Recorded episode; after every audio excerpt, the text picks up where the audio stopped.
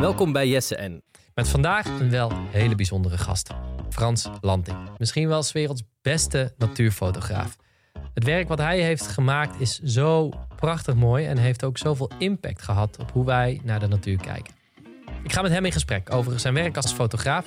Hoe doe je dat nou? Een gorilla vastleggen en echt als een individu laten zien? Toen ik begon ehm, met het verkennen van de wereld met mijn camera, dat is nou zo'n 40 jaar geleden. Als ik bedenk wat er, eh, wat er in die tijd veranderd is, dan, dan, dan is dat ongelooflijk. Hoe gaat het met het klimaat en met de biodiversiteit en hoe kunnen we de wereld beter beschermen? Welkom Frans. Dankjewel. Het is bij mij nu, nu we dit opnemen, eh, een uurtje of vijf. En bij jou is het acht uur in de morgen, want je zit in ehm, Santa Cruz. Ik zit aan de kust van Californië. Santa Cruz is een eh, badplaats ten zuiden van Californië, ten zuiden van San Francisco. En daar woon ik al een hele tijd. Het is een hele bijzondere gemeenschap. Een, eh, een befaamde universiteit zit hier. En, en nooit meer weggegaan. Nou, ik ben hier nooit meer weggegaan. Ik voel me hier echt eh, als een vis in het water.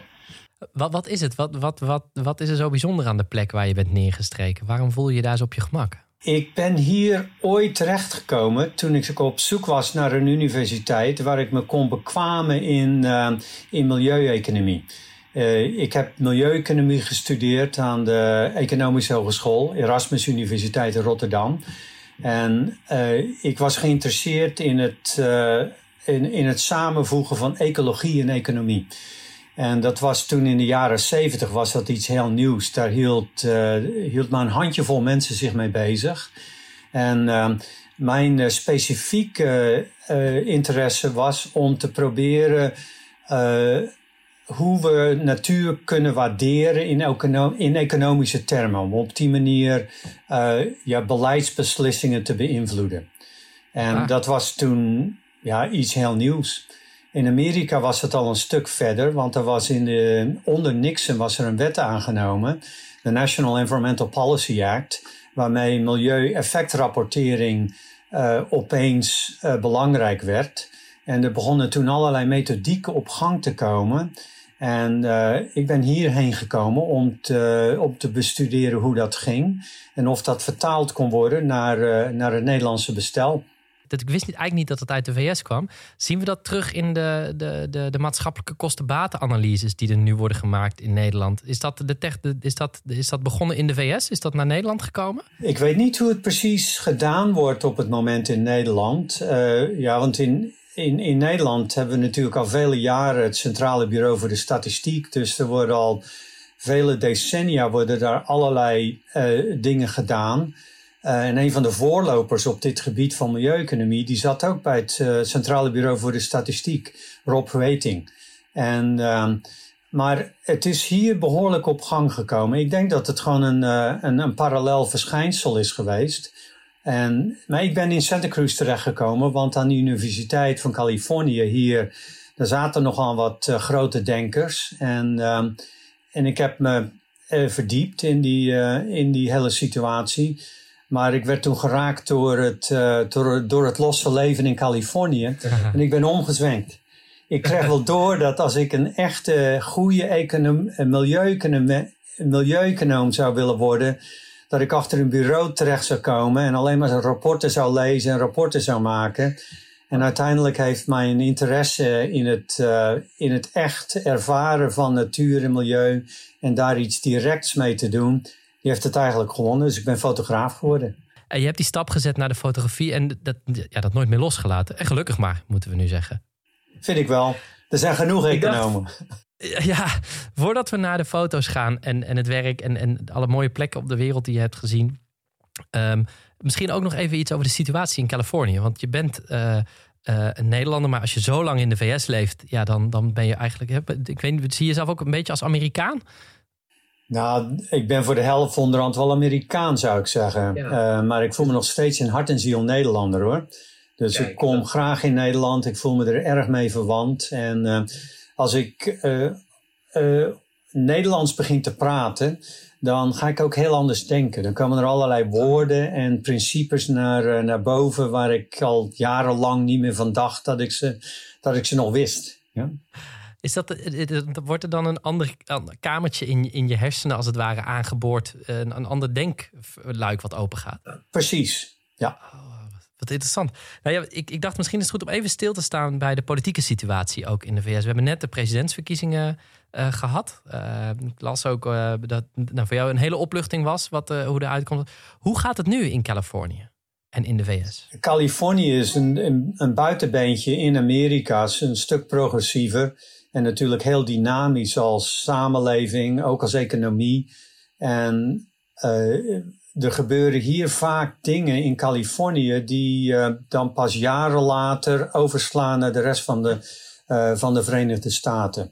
Dus op, uh, op milieugebied heeft Californië al, ja, al vele jaren voorop gelegen. En dat trok mij ook aan, want er was hier een, een bijzondere situatie met ehm, grote denkers, wetenschappers, uh, die, uh, die vaak allianties uh, tot stand eh, lieten komen met activisten en artiesten ertussenin. En die hele milieubeweging, de moderne milieubeweging, die, die heeft een enorme impuls gekregen vanuit Californië in de jaren 60 met die, contra, die contracultuur. En dat is toen in de jaren 70 is dat heel hard gaan lopen.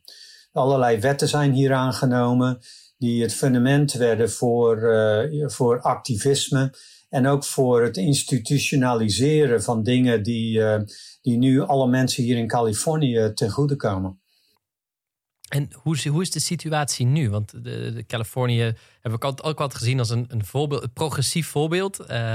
Uh, zelfs onder Schwarzenegger was niet per se een, een, gouverneur waarvan ik dacht dat hij heel progressief zou zijn. Maar ook daar is die lijn van vergroening doorgezet. Um, hoe is de situatie nu in, in, in Californië? Ook met de, de, hoe de hele politieke situatie was de afgelopen vier jaar met Donald Trump. Uh, welke ontwikkeling zie je nu? Ben je daar heel hoopvol over? Is dat iets waar we ook in Europa en in Nederland van kunnen leren? Of waar we voorzichtig mee moeten zijn?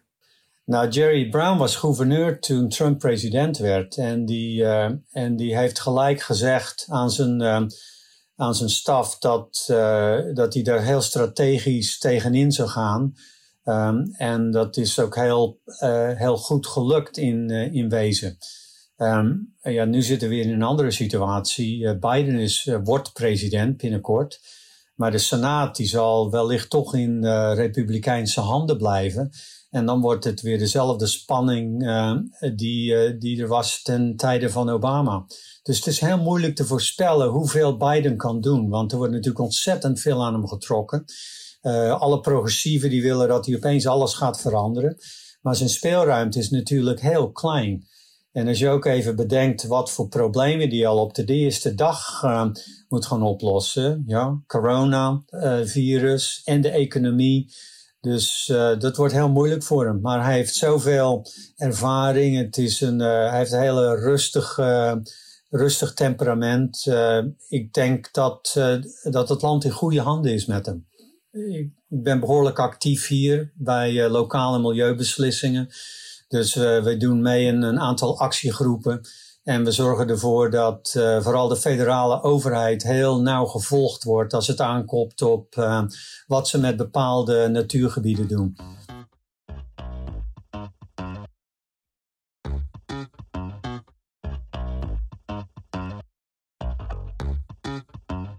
Ik wil graag de, stap zetten naar ehm, uh, naar je foto's en, en, en je werk. Ik was oog in oog. Ik had heel je prachtige, prachtige boeken gemaakt. Maar uh, ik vond oog in oog uh, heel indrukwekkend. En daar begin je ook met de Kwai Kyutu aan te halen. Zeg ik dat goed? Spreek ik dat zo goed uit? Kwagyo. Kwai, Kwagyo. Ja.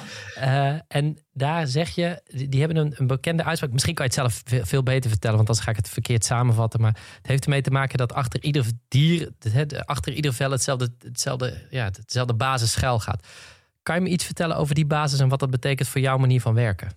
Ja, dat is een, uh, is een bijzonder verhaal uh, wat erachter zit. Ik, uh, ik ben in de jaren tachtig heb ik een, een tijd doorgebracht bij ehm, mensen van de Kwagil-stam die aan de westkust van Canada wonen.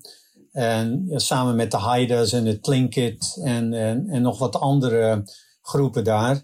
En ja, die verwantschap tussen mens en natuur, die wordt daar heel anders gezien. En die is via ja, allerlei verhalen en, en mythes uh, is die vastgelegd. En uh, ik ben op een gegeven dag uh, ben ik meegenomen door een, een elder, dus maar een, een, een, een stamouder.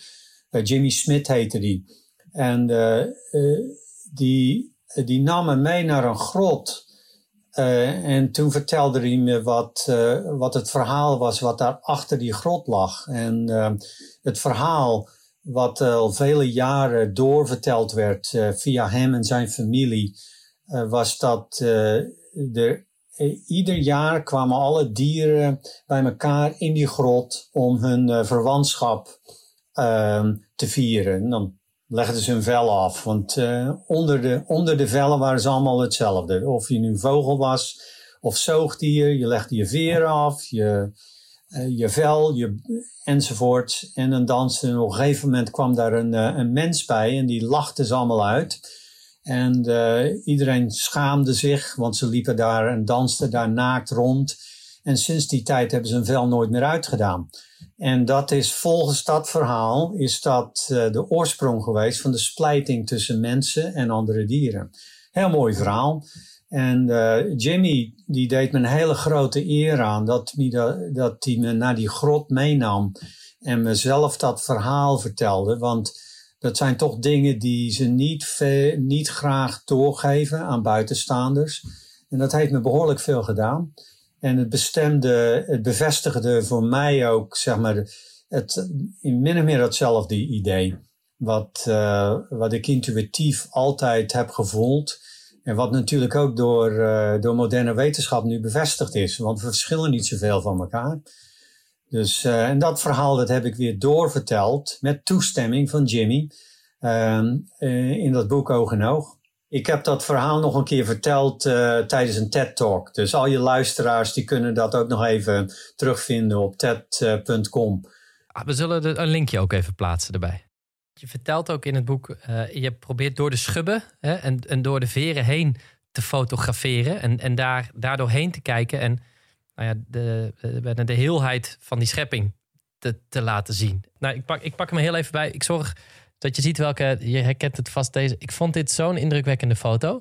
Uh, van een, uh, een gorilla, als ik het goed zeg, in Congo. Dat is niet zomaar een gorilla, dat was Mashamutu. En die, uh, die heb ik ontmoet in de Congo, in uh, Kaisiabiegas, een, een beschermd natuurgebied in het oosten van de Congo. En ik ben daar terechtgekomen niet lang na die genocide in Rwanda. En het was totale chaos daar met uh, vluchtelingenkampen van tienduizenden mensen. En uh, ik heb er een tijdje doorgebracht in dat gebied en daar toen Mashamutu kunnen fotograferen. En uh, ja, het zijn. Eh, die gorillas zijn vegetariërs, dus die heel ander temperament dan, dan chimps. chimps zijn heel opgewonden, heel emotioneel. Uh, gorillas zijn veel rustiger, die kijken je aan, die zien het allemaal wel gebeuren. Uh, bij chimps gebeurt alles veel sneller. Die, uh, die zijn altijd op zoek naar mogelijkheden. Ja, sinds Frans de Waal weten we natuurlijk alles ja. van chimpanzee politics. Hè? Ja, ja, met gorillas moet je gewoon, je moet ze veel de tijd geven. En niet al te veel willen doen, want ze hebben precies door wat je nu echt wilt. Dus kan je me meenemen naar hoe je deze foto dan hebt gehaald? Je zegt rustig aan. Uh, hoe gaat dat dan? Hoe lang ben je dan bezig? Of hoe lang ben je in zo'n leefgebied om uiteindelijk zo'n foto uh, te schieten? Dus betekent het uh, connecten met, zo'n, met, met een dier? In zijn omgeving zijn, rustig dat het gewend raakt en dan de foto maken? Of hoe moet ik dat zien? Ja, het is niet zoveel dan. Het, het is niet zoveel anders dan mensen fotograferen. Er zijn uh, fotografen die gedragen zich als paparazzi. Die heb je ook uh, in, in natuurfotografie. je ergens binnendringen en gauw je plaatjes maken en dan weer wegwezen. Maar dan, dan raak je meestal alleen maar de buitenkant. Als je een stukje verder wilt gaan, dan moet je gewoon er de tijd voor nemen. En de goede mensenfotografen, die kunnen dat ook. Zijn, mijn, uh, mijn vriend Vincent Mensel, die, die fantastische portretten heeft gemaakt van politici en beroemdheden. Die had ook die mogelijkheid op dezelfde manier om een relatie op te bouwen um, met de mensen die hij wilde portretteren. En een praatje maken. Nou, in het geval van gorilla's zul je dus geen praatje willen maken. Je gaat gewoon ergens zitten.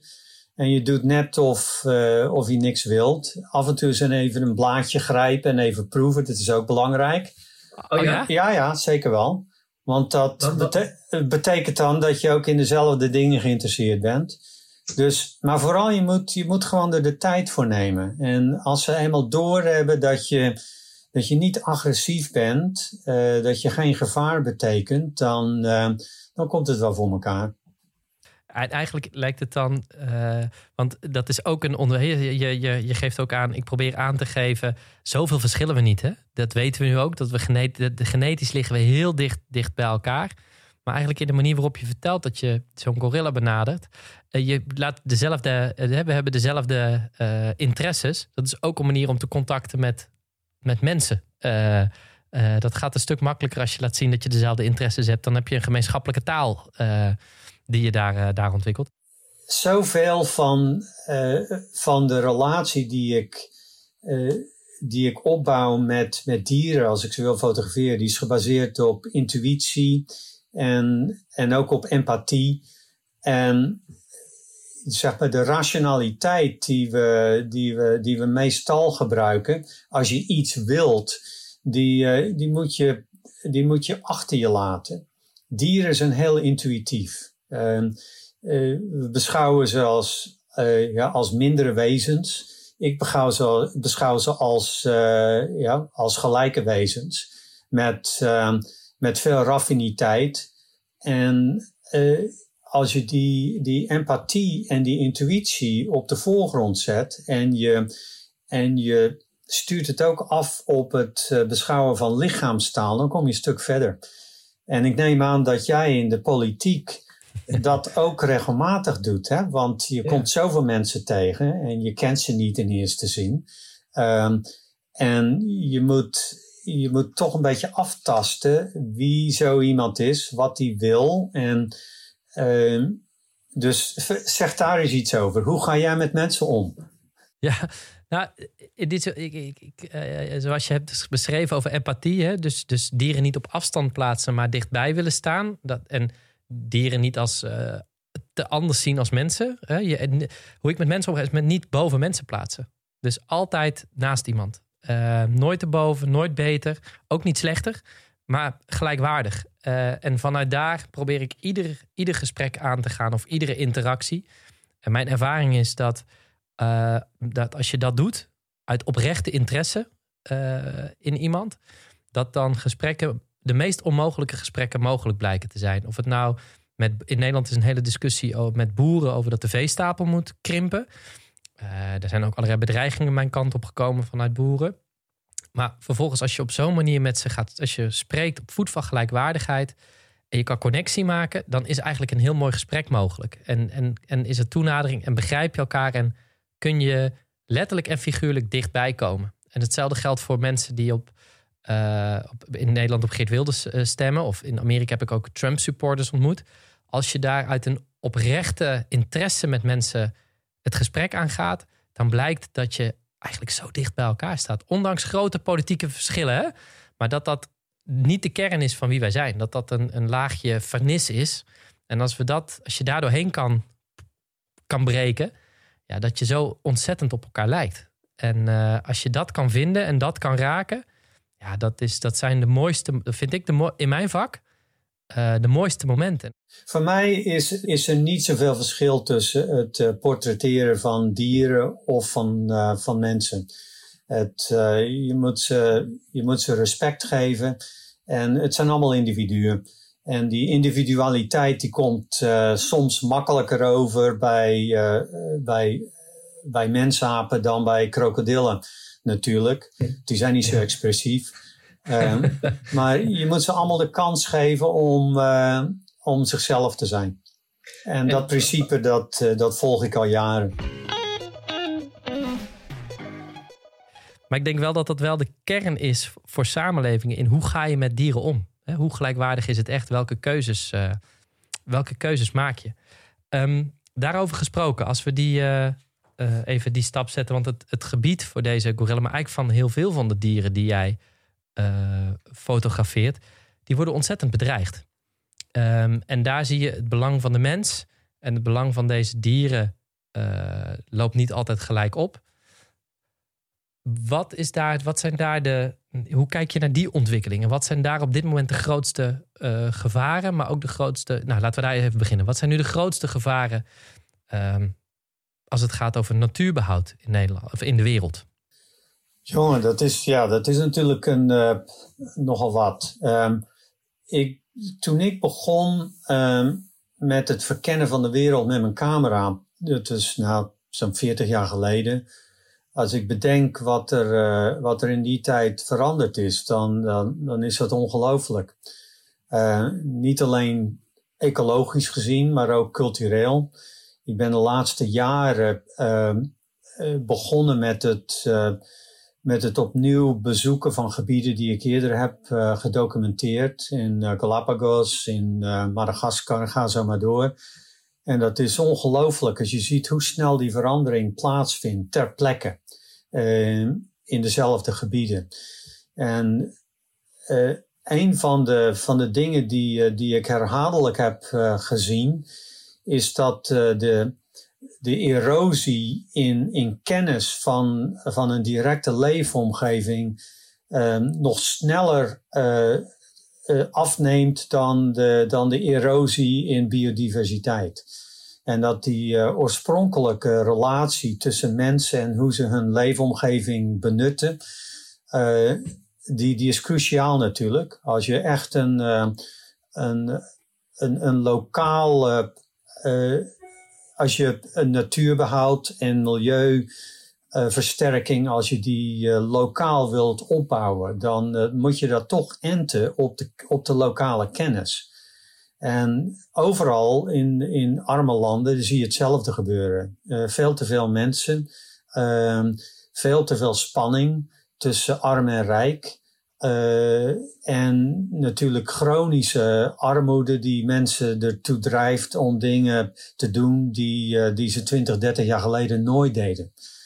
En dat is, ja, de, die, die natuur die wordt overal uitgehold door, door mensen ter plekke. Maar er komen natuurlijk gigantische economische belangen overheen.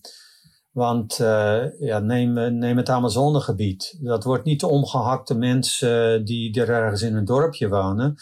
Dat wordt allemaal aangedreven door internationale belangen, door grote agribusinesses. die vaak ook hun handelswaar via, via Nederland weer de rest van Europa insturen. Dus uh, het is wat er vroeger lokaal gebeurde, is nu een, uh, een, een, een globale situatie geworden. En dus dat moet, ook, dat moet ook internationaal aangepakt worden. En daar komt dan nog bovenop dat de waarde van die oorspronkelijke natuur, die we zo'n 50, 60 jaar geleden voor het eerst uh, gingen inzien toen het Wereld Natuurfonds is opgezet. Omdat de, de rhino beschermd moest worden en ga zo maar door. En nu zien we natuurlijk wel in dat die waarde van die natuur niet alleen maar voor natuurliefhebbers is, dat het iets cruciaals is. Dus uh, het is geen luxe. We hebben die natuur gewoon nodig. Net zoals we lucht nodig hebben. En zoals we water nodig hebben. En uh, in wezen is dat hele uh, dat hele begrip van natuur waar ik mee ben opgegroeid, het is eigenlijk al een beetje een ouderwets iets geworden. Want ja, natuur en natuurliefde, dat is eigenlijk iets wat uit de Europese romantiek uh, ja. uh, geboren is. En het is in wezen iets heel anders. En we hebben een aantal jaren geleden een project gedaan waarin ik dat probeerde te vertalen via beelden en verhalen. Um, en daar hebben we bewust het, uh, het, het woord natuur willen vermijden. Dus de titel van dat project is Life a Journey Through Time. En ik vind dat we echt in een, uh, in een hele grote omwenteling zitten op dit moment. Uh, dat uh, veel meer mensen nu beseffen dat natuur geen luxe is. En dat het, dat het ja, we zitten er allemaal gevangen in, die, in datzelfde netwerk van, van energie en grondstoffen en ga zo maar door. Het is onze collectieve bankrekening. En daar kunnen we rente van, uh, van, van krijgen. Maar we zijn nu het kapitaal aan het, op, aan het uithollen. We nemen veel meer van die bankrekening af dan, dat, dat we, dan wat we kunnen doen. En uh, op een gegeven moment gaan we failliet natuurlijk. Ja, het is misschien te lang ook natuur als uh, een soort van luxegoed gezien. Hè? Iets dat hoort erbij en dat is voor als je het kan veroorloven. En het is mooi om naar te kijken of een foto te maken. Maar ik denk dat het besef nu wel breder is. Het is. We leven in een ecosysteem en dat systeem zijn we aan het, aan het afbreken met elkaar heel snel. En dat, dat is allereerst verantwoord. Dat is een systeemcrisis. Maar als individuen dragen we er allemaal op onze eigen manier uh, aan bij. De plopkap die ik hier heb, die is waarschijnlijk geproduceerd in, uh, in, in uh, nou, ik, gok ergens in China, die weer hier naartoe is gekomen met grondstoffen die weer ergens anders uit de wereld zijn, zijn gehaald. We willen goedkoop en veel en meer. en dat houdt een economie in, in, in, in de gang die, ja, die voor een uitputting van de aarde zorgt.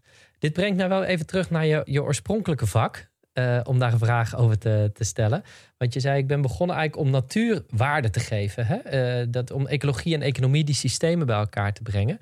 Op wat voor manier zie je nu... Eh, CO2-beprijzing, dat, is, dat, dat, dat, dat gebeurt nog niet. Maar daar, daar snappen we wat we daar moeten doen. De grootste uitdaging die wij daarnaast, denk ik, hebben... of die minstens zo groot is, is het, het, ja, het, het verdwijnen van de biodiversiteit. Welke ontwikkelingen zie jij nu om daar, zoals bij CO2, daar bijvoorbeeld ook een internationale prijs aan te hangen, zodat we, nou, zodat we het misschien beter kunnen beschermen? Ik denk dat het, uh, het meest fundamentele probleem is dat we nog steeds geen waarde toekennen aan natuur zoals die is. En, uh, en daardoor is het nog steeds mogelijk dat, uh, dat er door grote bedrijven en door mensen op allerlei niveaus ja, dingen gedaan kunnen worden die onze collectieve bankrekening uh, doet inkrimpen. En uh, dat, is, dat is waar ik me in wilde verdiepen. op welke manieren kunnen we waarde toekennen aan natuur? Er zou eigenlijk een ministerie voor natuur en milieu moeten zijn die onze collectieve bankrekening beheert en die ervoor zorgt dat als er iets van de bank wordt afge, genomen dat daarvoor iets voor, voor teruggaat naar die bankrekening. En eh, als je dat even doorvertaalt naar hoe we, eh, hoe we onze rekensommetje maken, ja, dat uh, bruto nationaal product, dat is daar een, uh, een, een bewijs van. als, je, als je natuur en milieu verpest door bepaalde economische activiteiten, dan wordt dat opgeteld bij het bruto nationaal product. Dus dan, dat wordt dan. Goed. Dat, dat is dan goed, hè? Dan doen we het weer een stuk beter.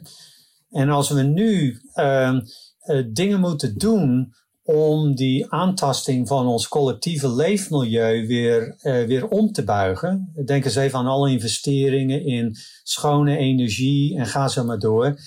In wezen zijn dat reparaties die we eigenlijk nooit hadden moeten doen. Want als we dat leefmilieu uh, intact hadden gehouden, dan waren al die reparaties niet mogelijk, niet nodig geweest. Maar die reparaties die nu miljarden kosten, die tellen we ook weer op bij het bruto nationaal product. Je krijgt eigenlijk, het is eigenlijk waanzin. De manier waarop we uh, berekenen wat er nu echt waarde heeft en wat, uh, wat een schijnwaarde is. Maar om dat te veranderen, dat heeft natuurlijk nogal wat, uh, dat kost nogal wat. Maar ik ja. vind het echt dat uh, dat we, we moeten gaan denken over op een hele andere manier die rekensommen te maken. Ieder bedrijf zou aan zijn uh, bedrijfs, uh, aan zijn jaarrekening zou die een component moeten toevoegen over het gebruik van grondstoffen, impact op leefmilieu. En we moeten dat gaan ombuigen. En zouden we nog verder moeten gaan, waarbij we zeggen, maar dit gaat misschien wel heel ver. Wat we nu vaak doen is zeggen, uh, bepaalde natuur is, uh, behoort tot een land toe. Maar eigenlijk behoort bepaald, de natuur aan ons allemaal toe. Hè? Het is echt onze gezamenlijke bankrekening. En, en ik snap heel goed dat zeker ontwikkelingslanden voor een enorm dilemma staan. Kiezen we voor economische ontwikkeling die daarvan ten koste gaat. En dat is het makkelijke denken, zou je, zou je zeggen. Uh, of conserveren we dat? Is er niet ook een grotere verantwoordelijkheid voor de internationale gemeenschap om uh, voor al deze landen, zeker rond de Evenaar, waar de, de meeste van deze natuur aanwezig is, om die natuur te conserveren, moeten we daar ook uh, veel meer de portemonnee voor durven te trekken. Waarbij we zeggen: nee, het beheer daarvan en de ontwikkeling van die landen is onze gezamenlijke verantwoordelijkheid. Want wij betalen met z'n allen de prijs als, als de, de, de, de oerbossen op worden, om worden gehakt of, of worden afgefikt. Dat vind ik wel.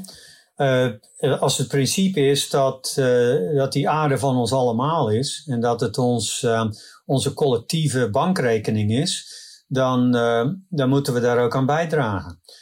Dus, en ik vind dat, dat het principe om, om geld door te geven naar organisaties in Brazilië en Indonesië en in de Congo, dat dat, dat, dat noodzakelijk is. Want anders kun je, kun je niet verwachten dat, uh, dat mensen lokaal op hun niveau uh, inzien dat het voor hen ook van belang is om, om daarin mee te doen in zo'n andere situatie. En je kunt natuurlijk ook niet van, van de overheid in die landen verwachten dat ze stoppen met, met ontbossing, waar vaak ook weer lokale economische belangen mee gemoeid zijn. Dus dat, dat is gewoon de prijs die we moeten betalen. Die moet erkend worden. Ja. En zie je dat, welke landen in de wereld doen dat wat jou betreft nu het beste? Hè? Welke, welke landen nemen het meest hun verantwoordelijkheid? Ik denk dat bepaalde landen in Europa voorop liggen, vooral Noord-Europa. Uh, Noorwegen doet het vrij, vrij goed. Die, uh, die doen het natuurlijk van huis uit al goed met, met, met hun eigen bankrekening, die uit olie voortkomt natuurlijk. Dus die investeren in de toekomst. Even voor alle luisteraars, dat is, een, dat is, een, dat is het grootste sovereign wealth fund van de wereld. Hè? Dus daar zit, die hebben al het geld wat ze hebben opgeboord met olie, dat zit in een heel groot investeringsfonds. En dat is een van de grootste investeringsfondsen van de wereld. En dat gebruiken ze nu eigenlijk voor allerlei duurzame investeringen. Dus Scandinavië doet het goed. Ik vind dat Nederland veel meer zou kunnen doen. Want uh, uh, wij, Nederlanders zijn heel goed geïnformeerd vind ik zelf. Iedere keer als ik weer terugkom naar Nederland en ik, uh, uh, en ik kom aan en ik neem alle kranten door, alle dagbladen, weekbladen, ik kijk naar televisie, naar radio, dan ben ik daar verbaasd van over de pluriformiteit in informatie en hoeveel mensen te weten kunnen komen. Dat is heel anders in Amerika. Er is die, uh, die nieuwsvergaring en die nieuwsdistributie, die is heel schraal geworden. Dus, maar ik vind dat Nederland veel meer zou kunnen doen. En uh, als, uh, als uh, ook in dat natuurlijk klaar te krijgen op Europees niveau. Want Nederland als apart landje, dat heeft maar een hele beperkte invloed. Maar op Europees niveau vind ik dat er veel meer gedaan zou kunnen worden met een, een grote bossenwet waarmee erkend wordt dat die, uh, die laatste grote oerwouden die er nog zijn, dat die ja, globaal belangrijk zijn en dat we daarin moeten investeren. Want uh, het terugbrengen van de, van de effecten van klimaatveranderingen, die kan economisch uh, kan die het beste gedaan worden door het beschermen van de oerwaarden. Ja. Het voorkomen van verdere ontbossing en het beschermen van de bossen die er nog zijn. En er is nog geen, er is nog geen uh, voor zover ik weet, er is nog geen Europese bossenwet. Klopt. Het Wereld Natuurfonds is daar nu een hele, echt een geweldige actie voor begonnen. Dat, dat, dat, het, ik merk dat het draagvlak ervoor aan het toenemen is. Dat, wij steunen dat ook echt, echt van harte. Uh, het is gewoon heel hard nodig. Omdat je ziet, Nederland is echt een... We zijn een klein land, maar we hebben wel heel veel invloed. En uh, zowel economisch als politiek. In ieder geval in Europa. En misschien is dat ook wel heel Nederlands om te denken dat we veel invloed hebben. Maar, maar uh, Ehm, als we kijken naar hoeveel, je had het al over de Rotterdamse haven, we zijn echt een transportland, een overslagland. En heel veel komt via onze havens binnen. producten die niet goed zijn geproduceerd. En Europa is de grootste consumentenmarkt van de wereld. En in ieder geval de meest kapitaalkrachtige uh, consument, maar de grootste koopkracht. Dus als wij als Europa zouden zeggen, bepaalde producten komen er niet meer in als ze niet aan de eisen voldoen, dan heb je een hele goede manier om die oerbossen eigenlijk te, te beschermen in, in de rest van de wereld. En het is, ik merk het als consument, hoe moeilijk ik het vind om producten te vinden uh, waarin uh, geen palmsuikers zitten die, of palmolie zit, die op schandalige wijze is geproduceerd. Het is bijna onmogelijk om, om op een goede manier je boodschappen te doen. En dat blijft, dat blijft raar. En, en het moet niet de verantwoordelijkheid zijn van, van, hè, van mij als consument, maar het is mijn verantwoordelijkheid als politicus. Om ervoor te zorgen dat mensen die keuze, die, die keuze niet hoeven te maken in de supermarkt. Dat slechte spul zouden niet moeten liggen. Uh, en dat is waar we echt, echt een hele grote stap moeten zetten. En daar hebben we niet lang de tijd meer voor. Dus die, uh, die bossen die moeten internationaal moeten die beschermd worden. En, maar eh, Nederland inderdaad als, als handelsland kan ook veel meer doen. er, er, is, er zijn allerlei mogelijkheden om toch daar een, een draai aan te geven. Maar wat je net zei, dat, het, dat de consument niet veel kan doen, daar ben ik het toch niet zo mee eens. Ik denk dat, dat we ook veel meer kunnen doen met betere etikering voor producten die, die beschikbaar zijn in de, in de winkels. En ik, ik weet niet hoe het op het moment is in Nederland, maar hier in Californië wordt er veel aan gedaan. Uh, er zijn verplichtingen voor, ja, voor bedrijven die, die moeten expliciet aangeven wat er aan grondstoffen zit in bepaalde consumentenproducten. De caloriewaarde, die, dat is natuurlijk ook een verplichting. Maar dat is nog maar een begin, vind ik zelf. En veel van de progressieve winkels hier in Californië, die geven op een eigen manier al aan. Die, die, is een toegevoegde waarde die de winkels zelf bepalen, uh, waar de producten vandaan komen. Uh, dus is het uit de regio? Is het uit een ander land? Um, en dat wordt ook veel gedaan op het gebied van, uh, ja, van vis en, en vleesproducten. En ik vind dat op zo'n manier, dan kun je beïnvloeden hoe, de, ja, hoe mensen hun inkopen doen. Als je zelf kunt zien of je vis, of je vis uit, uh, uit de Monterey Bay vandaan komt, of helemaal vanuit Chili, dan, dan, dan, dan zie je voor jezelf al in, nou, misschien toch maar die vis die hier vandaan komt. Ja, nee, ik, dat, dat, dat hebben we in Nederland ook hoor. En uh, het, alleen het, het vraagt een. een uh, althans, waar ik steeds mee toe kom. Ik zeg niet dat je als consument niks kan doen. Je kan keuzes maken, betere keuzes maken. Alleen wat, wat als je het hebt over iets moeten veranderen aan het systeem. Dan is het nu de juiste of de, de, de makkelijkste optie is de slechte optie. Namelijk de optie die uh, het minst duurzaam is. En je moet je best doen om de duurzame optie te vinden. Daar moet je, je moet naar de juiste winkel gaan, je moet de etiketten besteden. Ik zou dat heel graag willen omdraaien. En ik vind, er is te lang in Nederland hebben we, begin jaren negentig was de campagne een beter milieu begint bij jezelf. En ik denk, nee, een beter milieu begint bij de eisen en de voorwaarden die we als overheid stellen. En dat, dat bepaalde producten moeten hier niet meer, moeten we niet eens meer op de markt willen. Dat, dat, dat, dat, dat, dat producten waarvoor de Amazone gekapt moet worden. Jongens, dat doen we niet. Dan gaan we niet eens de keuze geven in, in welk product kan je kiezen. En dat bedoelde ik te zeggen met wat kan ik doen als consument? Tuurlijk, je kan daar stappen in zetten. Alleen te lang vind ik dat overheden zich daarachter hebben uh, verscholen. Van nou, dat is de markt. En als we dat dan transparant maken en de etikettering. Nee, sommige dingen willen we gewoon niet hebben. Eh, dat kan, dat kan niet. En, en uh, die verantwoordelijkheid wil ik niet bij het individu leggen, maar bij ons als collectief. Als we zeggen het is onze collectieve bankrekening, ja, dan moeten we die ook collectief beschermen. Eh, en, niet van ieder individu afhankelijk laten zijn. Ik vond, uh, ja, ja, de Okavango, daar ben je ook nog, ja, er is zoveel waar je bent geweest. Kan je me iets vertellen over, heel kort over hoe het daar was en toen je daar kwam en toen je, hoe je daar de, de, foto's hebt gemaakt. Maar vooral ben ik heel erg benieuwd, hoe gaat het nu in dat gebied? Goeie vraag, want er, er zijn ook grote veranderingen.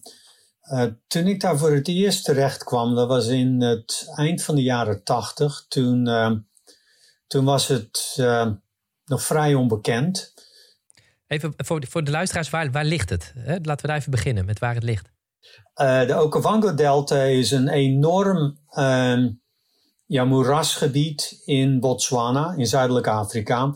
Uh, denk even aan een, aan een biesbos van, uh, van globale allure. Met olifanten en, en alles erop en eraan. Grootste uh, leefgebied van olifanten wat er nog is. En het, het, is, het ontstaat uit een rivier die begint in de hooglanden van Angola. En die stroomt dan Botswana binnen.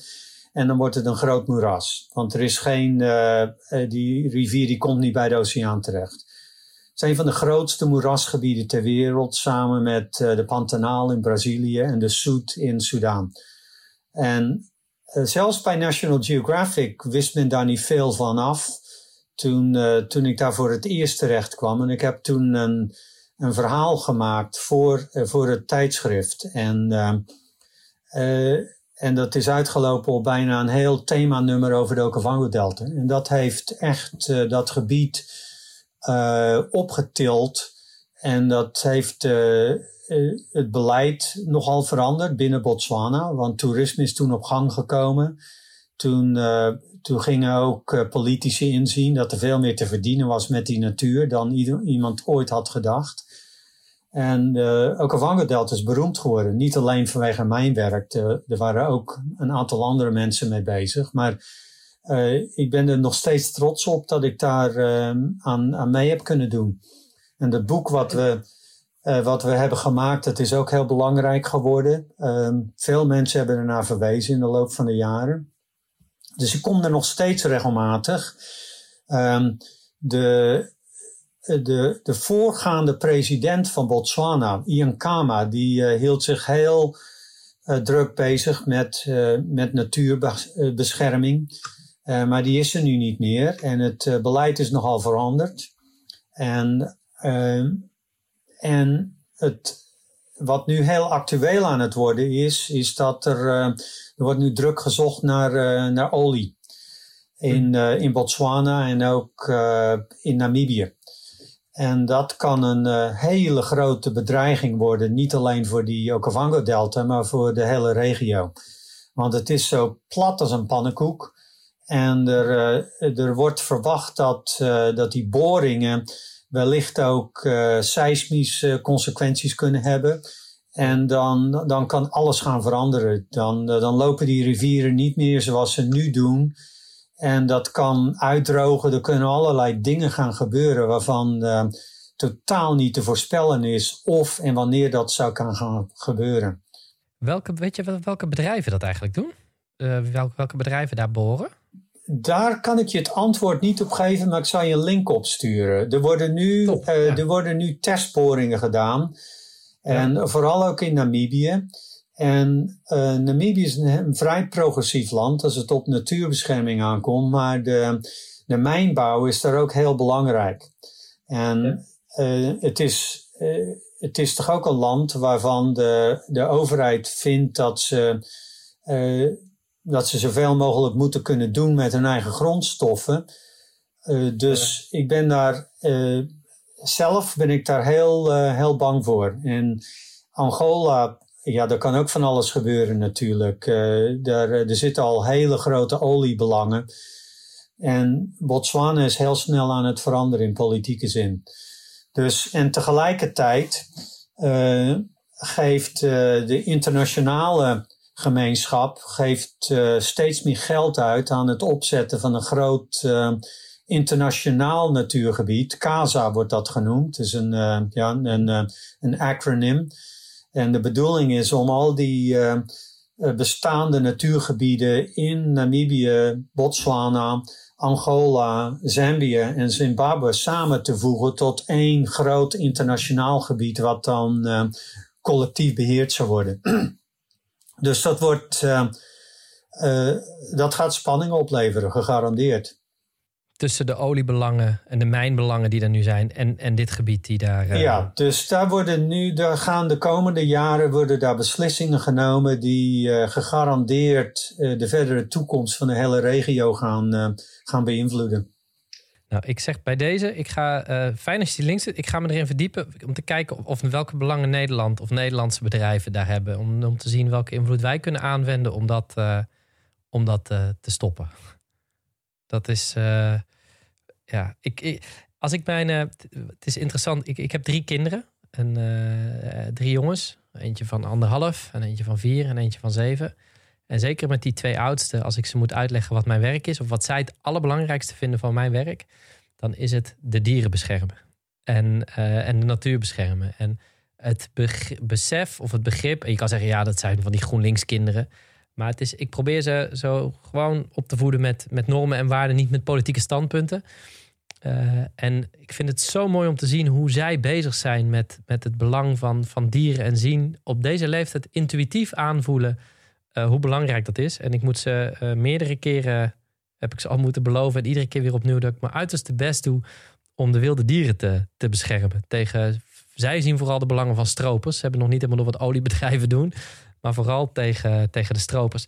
Um, Frans, ik, ik wilde even een stap maken naar uh, wat, waar we het over hebben. Zijn twee dingen. De prachtige natuur, de natuurschoon, maar ook de grote bedreigingen die er zijn. En ik hoor daarin ook je zorg. Maar als ik lees wat je daarover schrijft, zie ik ook je positiviteit. Um, en welke goede kanten het omgaan. En als ik het goed begrijp, ook omdat je zegt de lokale mensen komen weer steeds meer in verbinding te staan met die natuur en snappen hoe belangrijk die ecosystemen zijn voor hun eigen, voor hun eigen voortbestaan. Uh, zou je iets kunnen zeggen waarom je toch ook nog positief kijkt naar de toekomst van de wereld? Want ik wil ook heel graag de luisteraars meegeven, of hoop ik, ze moeten wel uh, ook met, met, met hoop verder, verder kunnen na dit gesprek. Ja, zonder, zonder hoop uh, heeft, heeft het leven geen zin meer natuurlijk. Precies. precies. dus dus je moet toch blijven geloven dat het beter kan. En het kan ook echt beter. Uh, uh, zoals jij net over je kinderen spreekt. Als ik terugdenk naar uh, hoe ik ben opgegroeid. Ja, de wereld was toen heel anders. Toen wisten we veel minder natuurlijk. Wat, uh, wat ik hoorde over het tropisch oerwoud en de dieren die daar leefden. En ook over onze, onze eigen leefomgeving in Nederland wat jonge mensen nu weten, wat kinderen nu leren op school en wat op ze afkomt via sociale media, dat is een vloedgolf van, uh, van andere informatie. Dus dat geeft mij hoop. Maar er moet natuurlijk wel actie bij komen. En ik vind het ook heel goed dat, uh, dat acties, vooral als het aankomt op de, het beïnvloeden van uh, climate change, dat die steeds, de radicale ideeën, die komen steeds meer uit, uit jongere mensen. Uh, dat, vind, dat, dat juich ik alleen maar toe natuurlijk. Want die bankrekening is natuurlijk ook van hen. Ja, uh, ja. Dus uh, dat geeft mij hoop. ook al denk ik af en toe, potverdomme, dat wisten we 40 jaar geleden ook al. Waarom is het toen niet gebeurd? Toen had het een stuk makkelijker, was het een stuk makkelijker geweest. Maar daar kan je niet stil blijven staan. Uh, Jane Goodall is een goede, een goede kennis van ons. En ja, die, die, die vertelt ook al decennia lang hetzelfde verhaal. En die, en die geeft ook niet op. Dus als Jane, die nu al 86 is, als die het maar blijft doordrammen en blijft doorvertellen, dan, uh, dan is er geen reden voor mij om een hoop te verliezen. Uh, zelfs, zelfs David Attenborough is een, uh, een radicale oh, milieuactivist ja. geworden. Dus. Ja, en, en als, en als David Attenborough en jij zelf ook zeggen... er is alle reden uh, voor hoop, dan is er zeker ook voor de jonge generatie... alle reden om hoopvol te zijn. Alleen we moeten nu wel echt doorpakken en zorgen dat die generatie ook... aan de, op de plekken komt van macht... waar de juiste besluiten genomen kunnen worden. En daarvoor moeten we... is die, ja, dat is het raar. Er is meer activisme nodig om ervoor te zorgen dat die nieuwe generatie op, op de plekken komt waar de besluiten worden genomen. Uh, om, om ervoor te zorgen dat we de goede kant op, de goede kant op weten te buigen. Helemaal mee eens. Dankjewel Frans. Uh, onwijs bedankt voor dit gesprek. Uh, ik heb er onwijs van genoten. Ik heb ik, ik nog steeds, ik zat terwijl je ook aan het praten was en ik aandachtig aan het luisteren was, maar nog steeds te bladeren. En ik, je, je, je blijft me afgeleid raken door alle prachtige beelden die je hebt gemaakt. En vooral wat het ons leert over dieren en over de biodiversiteit. En over dat we één ecosysteem zijn waar we zo voorzichtig mee, eh, mee om moeten gaan. Dankjewel voor je tijd. Dankjewel voor je inzet. Dit was het gesprek met Frans Lanting. Wat ik echt interessant vond, is dat hij me heeft laten zien dat de manier waarop je nadenkt over dieren, eh, dat ik daar echt ook nog wel stappen in te zetten heb. Dat de gelijkwaardigheid waar hij over spreekt, dat dat er ook voor zorgt dat hij ze zo mooi kan fotograferen. En dat hij gewoon een fantastische fotograaf is. Maar die houding, die gelijkwaardigheid, die empathie, die we, die we naar mensen toe hebben, die moeten we ook naar dieren hebben en, en alle dieren. En eh, dat vond ik een, een enorm mooi inzicht. Dank aan mijn gast, Frans Lanting. Dank aan Dag en Nacht Media voor de productie. Laat een reactie achter op iTunes en wil je de hele uitzending met beeld kijken? Kijk dan op mijn YouTube-kanaal. Abonneer je op deze podcast in je favoriete podcast-app, zodat je geen enkele aflevering mist. Dit was Jesse en tot de volgende.